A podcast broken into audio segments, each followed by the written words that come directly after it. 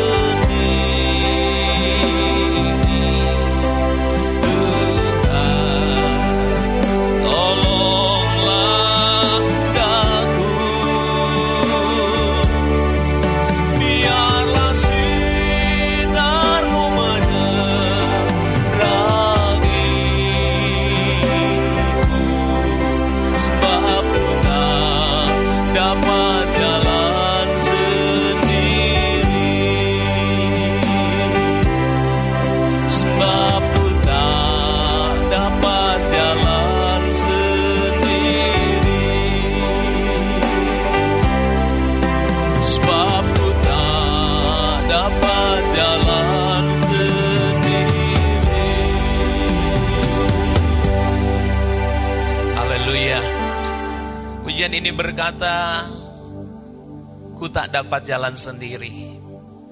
Bapak Ibu Saudara dikasih Tuhan, dalam perjalanan kehidupan kekristenan kita, kalau kita mengerti bahwa Kristen itu bukan sekedar agama, tapi kekristenan itu adalah jalan hidup, maka setiap saat, setiap detik, setiap menit, setiap jam, setiap waktu, kita tidak bisa berjalan tanpa Tuhan Yesus.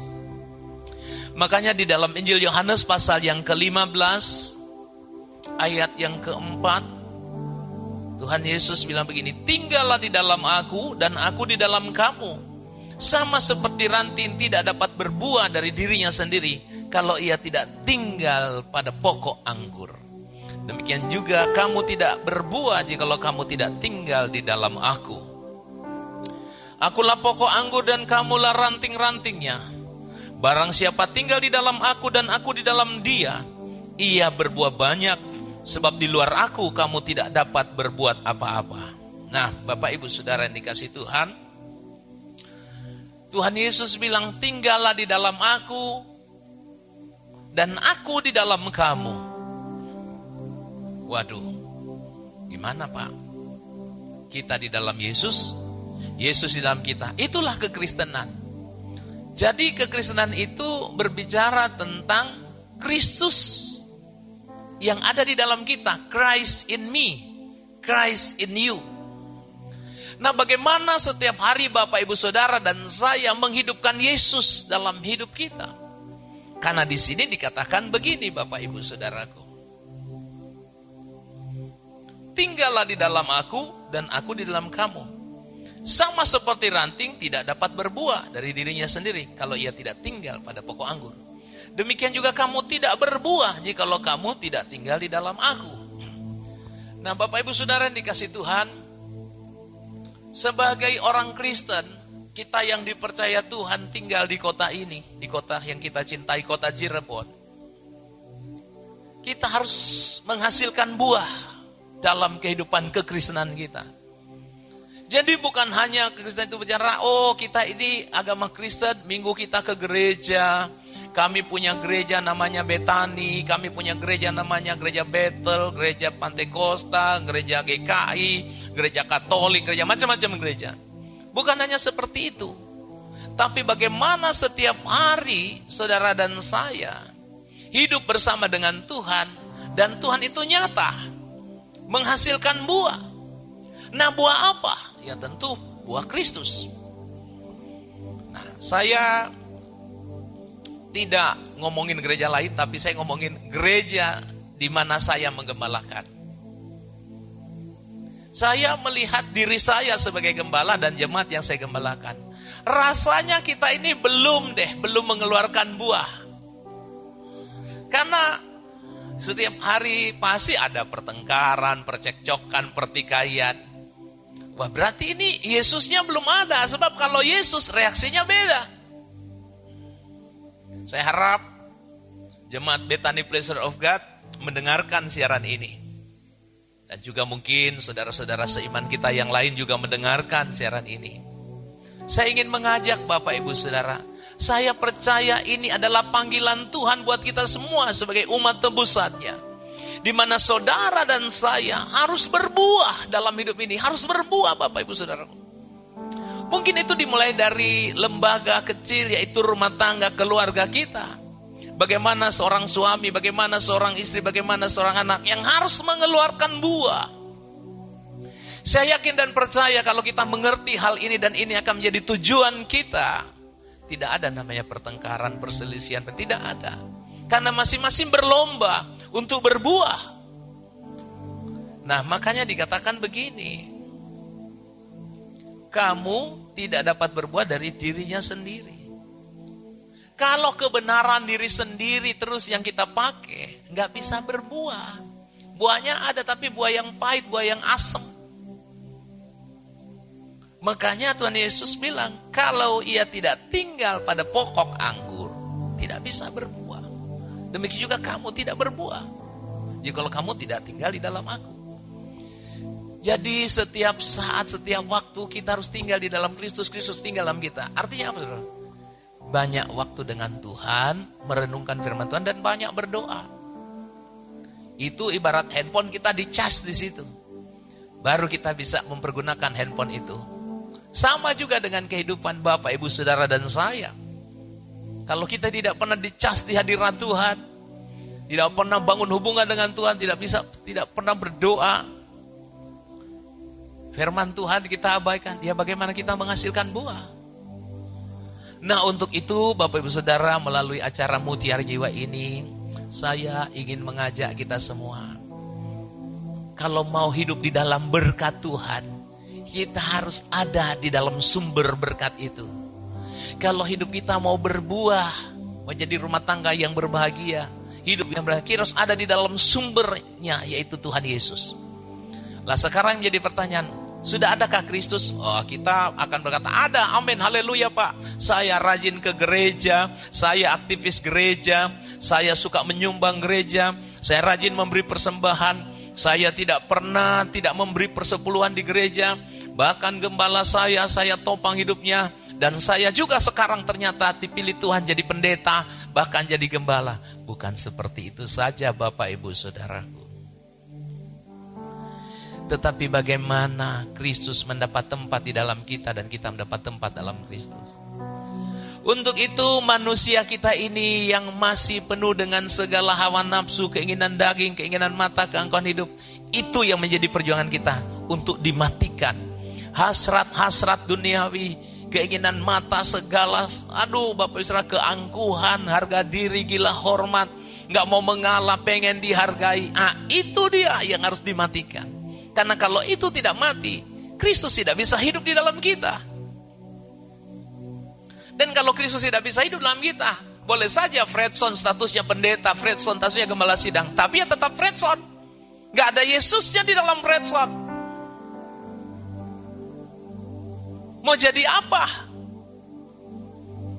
Makanya saya belajar Bapak Ibu Saudara dan saya dapat kehormatan untuk menseringkan hal ini saya harap para pendengar di rumah mulai berperkara akan hal ini. Oh ternyata saya jadi Kristen bukan hanya datang ke Tuhan minta tolong karena saya lagi sakit, ekonomi saya lagi bermasalah, rumah tangga saya lagi bermasalah, tolong dong Tuhan pulihkan.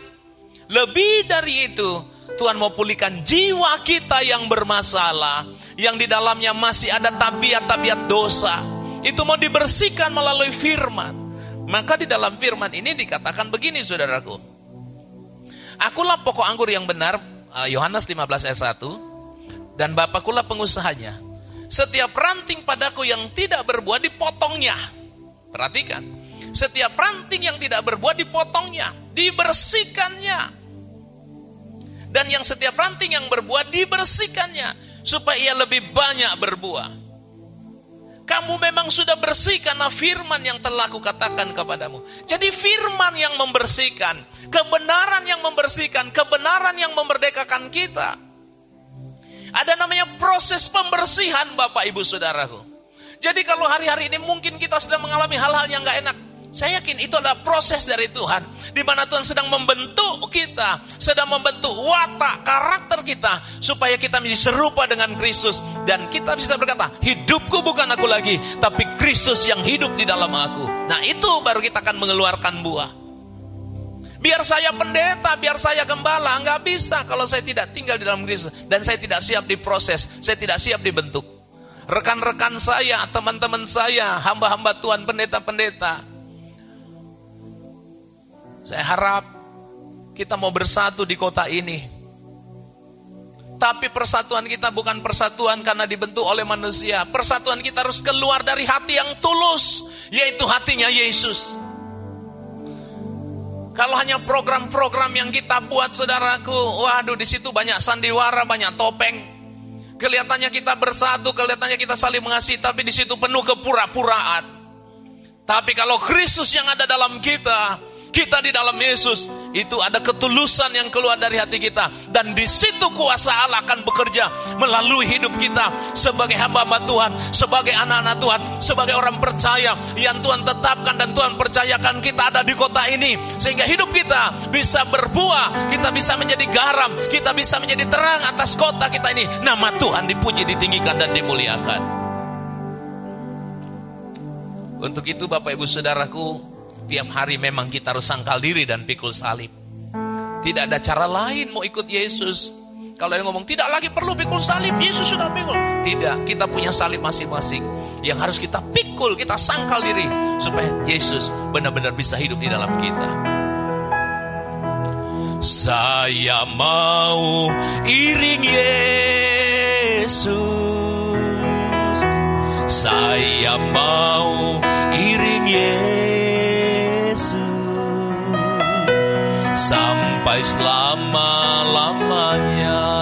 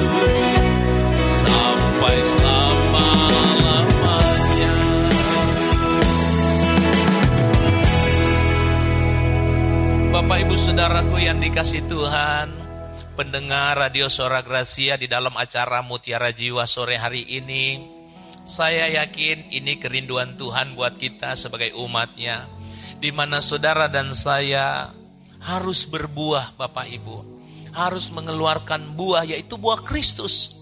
Bagaimana Kristus dimuliakan atau dihujat itu dari hidup kita. Dari hidup saudara dan saya. Kadang-kadang, ya Pak, kita Kristen memang dibenci. Bukan. Kadang-kadang memang karena kita memang ngeselin. Hidup kita yang tidak mencerminkan Kristus. Tapi kalau kita benar-benar mau hidup di dalam Kristus, Kristus dalam kita, saya yakin dan percaya. Yakin dan percaya. Bapak di sorga akan tersenyum melihat saudara dan saya. Nah untuk itu Bapak Ibu Saudaraku, memang kebanyakan ya saya juga kadang ah kalau khotbah itu mending pilih khotbah yang enak supaya jemaat senang mendengarnya. Ya supaya Pak Fredson ya gerejanya itu penuh orang simpati sama gereja Bapak, simpati sama Bapak. Tapi kalau Tuhan gak simpati gimana? Manusia saya senangkan, terus Tuhan gak senang gimana? Iya tapi pangkatnya Bapak begitu, emang Bapak bisa menjadi pelaku firman? Loh, justru Tuhan berikan kepada kita firmannya, Injil adalah kekuatan Allah. Tuhan materaikan roh kudus di dalam kita, roh Allah yang tidak terbatas, roh yang dahsyat, roh yang luar biasa. Dia materaikan dalam hidup kita. Dia juga sudah mati bagi kita menanggung segala dosa dan salah kita di atas kayu salib. Artinya sudah komplit dari Tuhan Tuhan berikan bagi kita. Dia sudah berikan kepada kita segala perlengkapan senjata Allah. Tinggal kita mau pakai enggak itu. Kalau Bapak Ibu Saudara saya mau pakai itu saya yakin dan percaya. Alkitab berkata kita adalah umat penang bahkan lebih dari pemenang. Yang menjadi pertanyaan lagi menang dari mana? Justru dalam peperangan iman, dalam pergolakan hidup setiap hari kita sering kali kalah. Tidak sedikit orang Kristen dikit-dikit kecewa, dikit-dikit kepahitan, dikit-dikit marah, ngambek, sakit hati, iri. Bagaimana kita bisa dikatakan pemenang? Ajaran Kristus itu tinggi nilainya. Maka saya katakan Kristen itu bukan sekedar agama. Kalau agama-agama yang ada di dalam dunia ini pada umumnya mereka punya hukum, punya syariah yang mengatur tatanan hidup umatnya. Kalau saudara dan saya sebagai umat yang percaya kepada Tuhan Yesus, kita nggak punya syariat saudaraku. Hukum kita yaitu Yesus yang ada di dalam kita. Makanya Tuhan Yesus mengajarkan kita di dalam Injil Matius saudara. Saya ingin mengajak kita membuka Matius pasal yang kelima. Sebenarnya saya mau baca semua ini, tapi saya ambil beberapa ayat saya. Contohnya begini. Maka aku berkata kepadamu jika hidup keagamaanmu tidak lebih benar daripada hidup keagamaan ahli-ahli Taurat dan orang-orang Farisi, sesungguhnya kamu tidak akan masuk ke dalam kerajaan surga. Waduh, kita tahu cara beragama orang Farisi dan ahli Taurat seperti apa. Luar biasa. Nah, kita harus lebih dari itu. Kenapa Yesus bilang lebih? Oke, kita lihat sekarang. Kamu telah mendengar yang difirmankan kepada nenek moyang kita, jangan membunuh. Siapa yang membunuh harus dihukum. Tapi aku berkata kepadamu, setiap orang yang marah terhadap saudaranya harus dihukum. Nah loh, setiap orang yang marah terhadap saudaranya harus dihukum. Itu Tuhan Yesus yang ngomong, jangankan membunuh, marah aja dihukum. Bahkan di dalam 1 Yohanes 5, 1 Yohanes 3, 1 Yohanes 3 15 dikatakan barang siapa yang membenci saudaranya sama dengan pembunuh. Ini yang saya maksud bahwa hukum itu tinggi nilainya. Hukum Kristus dia di dalam kita. Dia mau melihat sikap hati kita. Dia mau melihat sikap batinnya kita. Bagaimana sikap hati kita. Kadang-kadang kita cuma mencari aman. Kita benci sama seseorang begitu ketemu orang itu aman. Ya puji Tuhan, haleluya, Tuhan Yesus memberkati. Padahal hatinya tidak seperti itu. Ini kemunafikan dan kepalsuan. Buah apa yang akan kita keluarkan dari hidup kita? Dimaafkan saya mungkin khotbah kali ini agak terlalu pedas, keras, atau tajam. Tapi ini sudah waktunya, Tuhan sudah mau datang. Kita harus berkemas-kemas, kita harus mendandani manusia batinnya kita. Dan harus mengeluarkan buah yang baik. Saya tidak tahu sampai kapan saya masih hidup. Karena hidup ini singkat. Jadi mulai sekarang melalui acara Mutiara Jiwa ini saya mengajak kita semua dan saya mengajak diri saya sendiri. Ayo Fredson, bertobat sungguh-sungguh. Sungguh-sungguh cari Tuhan. Sungguh-sungguh hidup berkenan di hadapan Tuhan.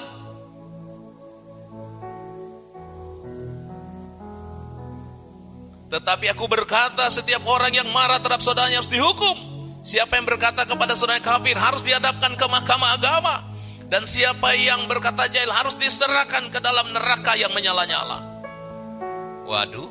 Sebab itu jika engkau mempersembahkan persembahan di atas mesbah dan engkau teringat akan sesuatu yang ada di dalam hati saudaramu terhadap engkau, tinggalkanlah persembahan itu depan mesbah itu dan pergilah berdamai dahulu dengan saudaramu lalu kembali untuk mempersembahkan persembahan itu. Yang Tuhan inginkan bukan korban tapi kasih ketaatan kita terhadap firman. Banyak orang datang di gereja dengan bangganya nyanyi lompat-lompat menyembah bahasa roh, tapi hatinya tidak beres.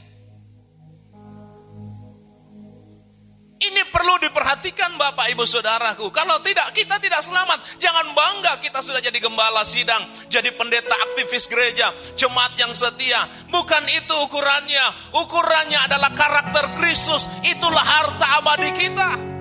Bagaimana di dalam sikap hati kita, batin kita. Dia sudah memerintah belum, dia sudah berkuasa belum, dia sudah mendapat tempat belum dalam hidup kita. Waduh, mempersembahkan korban. Kalau masih ada sesuatu tinggalin dulu. Baru datang menghampiri Tuhan. Beresin dulu sikap hati kita, baru kita datang kepada Tuhan.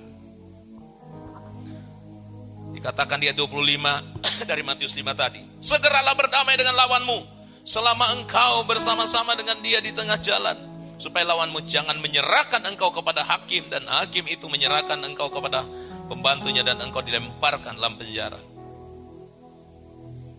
Aku berkata kepadamu, sesungguhnya engkau tidak akan keluar dari sana sebelum engkau membayar hutangmu sampai lunas.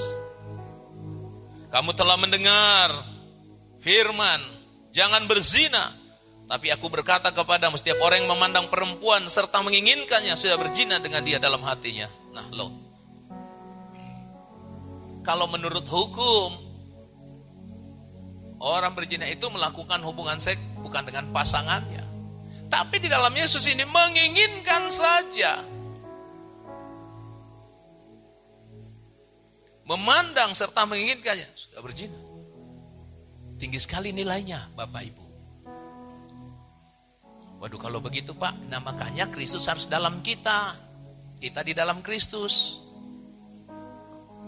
Christ in you, Christ in me. Dan ini bukan hanya fantasi, tapi realita harus dialami dan dialami mengalami ini butuh perjuangan. Betul Tuhan sudah berikan kita kasih karunia-Nya, kasih karunia-Nya, anugerah, kres. Tapi itu membuat saudara saya bertumbuh dan menghasilkan buah itu harus berjuang. Harus tekun belajar firman, tekun berdoa, tekun beribadah. Nggak ada santai-santai.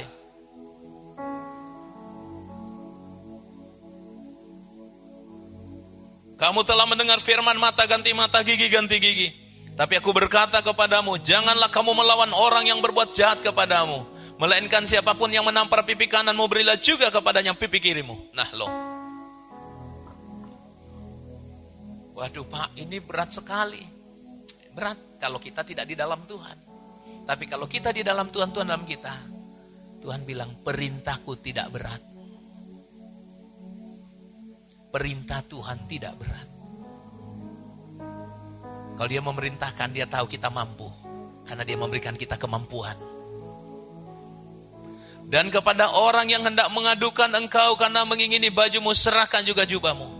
Dan siapa pun yang memaksa engkau berjalan sejauh satu mil, berjalanlah bersama dia sejauh dua mil. Berilah kepada orang yang meminta kepadamu, dan janganlah menolak orang yang meminjam daripadamu. Kamu telah mendengar firman, kasihilah sama manusia dan bencilah musuhmu. Tetapi aku berkata kepadamu, kasihilah musuhmu dan berdoalah bagi mereka yang menganiaya kamu. Nah, kasihilah musuhmu, ini buah. Mampu nggak? Waduh pak, saya kalau ngelihat monyet itu benci saya. Nah loh, buah apa itu? Tapi kalau Kristus di dalam kita, kita dalam Kristus, kita tekun belajar, mau mempraktekkan. Saya percaya dengan pertolongan Roh Kudus kita akan dimampukan. Itu adalah perbuatan ajaib Tuhan di dalam hidup kita. Kita mau kerjasama dengan Roh Kudus. Dan saya yakin dan percaya, makin hari makin matang, makin hari makin berbuah. Dan Tuhan akan melihat, hebat ini anak-anakku ini. Dahsyat hidupnya anak-anakku ini. Kalau cuma urusan pemenuhan kebutuhan jasmani, mudah banget. Karena langit, bumi, lautan beserta isinya punya Tuhan. Sukar apa bagi Tuhan? Tidak sukar. Yang sukar yaitu dia nggak bisa paksa kita karena kita diberi kendak bebas. Mau bertobat atau mau hidup menurut selera kita, ngumbar kawan nafsu ke daging kita, itu juga pilihan. Tapi sore hari ini Bapak Ibu sudah dikasih Tuhan. Pendengar radio suara gerasi dalam acara Mutiara Jiwa yang sangat diberkati Tuhan saya mengajak, ayo kita semua mau tinggal di dalam Kristus, Kristus dalam kita, dan kita mau berbuah. Tetapi aku berkata kepadamu, kasihlah musuhmu dan berdoalah bagi mereka yang menganiaya kamu. Karena dengan demikianlah kamu menjadi anak-anak Bapamu yang di sorga. Nah, ternyata cirinya kalau mampu mengampuni, mengasihi musuh, itu ciri khas anak Bapa di sorga. Membuktikan kita di dalam Yesus, Yesus dalam kita. Dan kita benar-benar menjadi penyembah yang benar dalam roh dan kebenaran. Menyembah Bapa di surga, bukan menyembah Bapa yang jahat. Nah, di dalam Injil Yohanes pasal yang ke-8 ayat 44, saya bacakan. Yohanes 8 ayat 44 bilang begini. Iblislah yang menjadi bapamu dan kamu ingin melakukan keinginan-keinginan bapamu. Ia adalah pembunuh manusia sejak semula dan tidak hidup dalam kebenaran sebab di dalam dia tidak ada kebenaran Apabila ia berkata dusta, ia berkata atas kehendaknya sendiri. Sebab ia adalah pendusta dan bapa segala dusta. Nah coba. Ini ucapan Yesus kepada orang-orang Yahudi pada waktu itu. Karena mereka nggak mau terima dia. Mereka nggak nyambung dengan Tuhan Yesus. Hati-hati Bapak Ibu Saudara, kita ini nyambung nggak dengan Tuhan? Kalau kita nyambung dengan Tuhan, terhubung dengan Tuhan, Tuhan dalam kita, kita dalam Tuhan, pasti buahnya buah yang baik.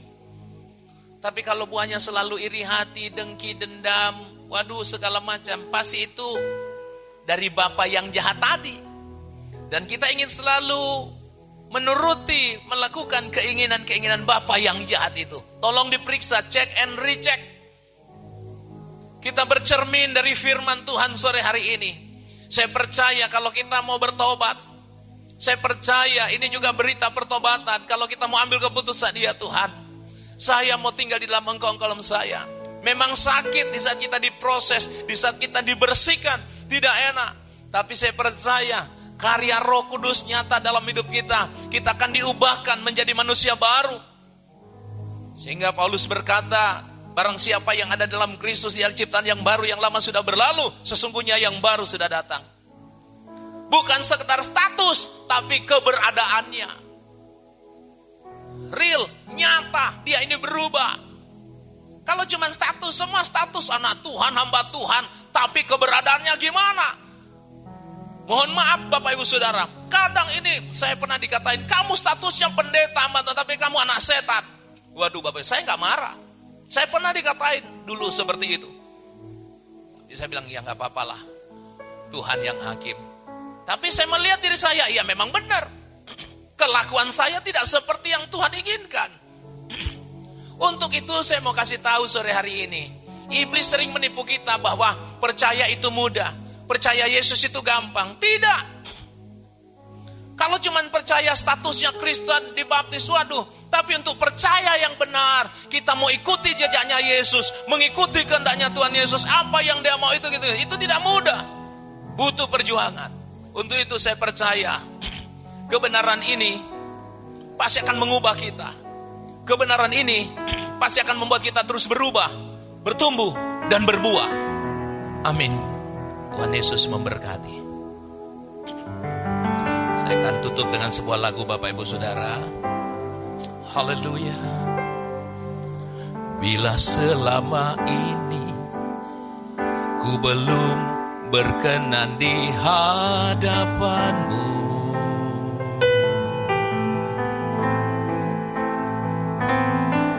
Tak ku lakukan kehendakmu, tak ku penuhi rencanamu Bapa.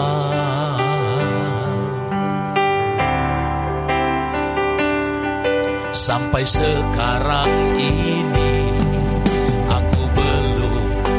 menjadi seperti Yesus Beriku kesempatan di sisa waktu dengan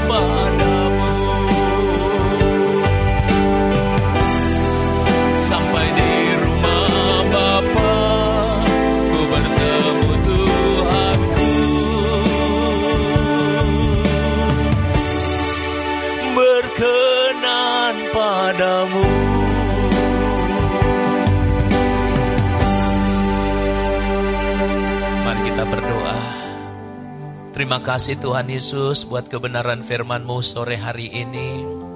Hamba berdoa buat semua pendengar radio suara Gracia dalam acara Mutiara Juan. Diberkati Tuhan. Kami semua mau berubah, bertumbuh, berbuah. Kami mau berbuah Kristus dalam hidup kami.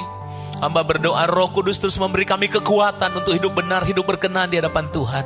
Kami yakin dan percaya orang yang hidupnya berkenan pasti diberkati, pasti dibela, pasti ditolong oleh Tuhan. Terima kasih Tuhan.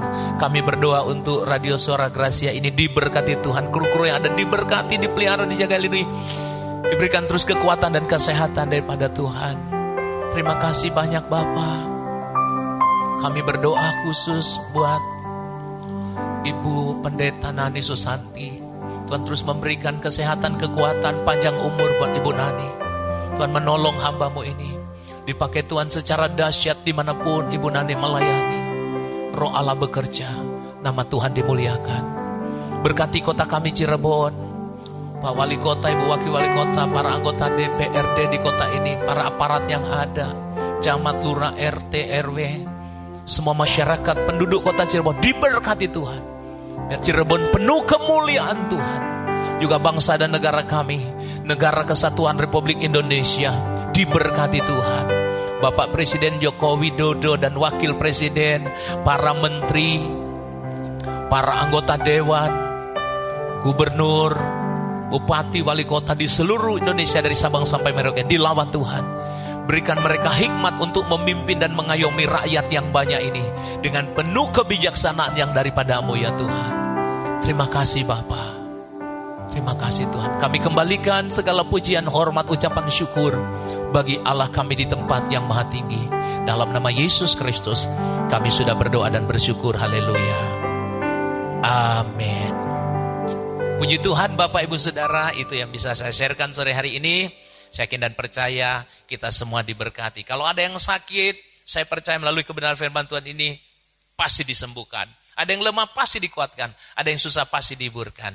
Baik saudara, eh, sebelum saya pamit dan undur dari saudara, saya ingin memberikan pengumuman dari gereja kami, Gereja Betani Pleasure of God yang beralamat di Jalan Lemawungkuk 132 atau tepatnya di depan Apotek Tunggal Lemawungkuk.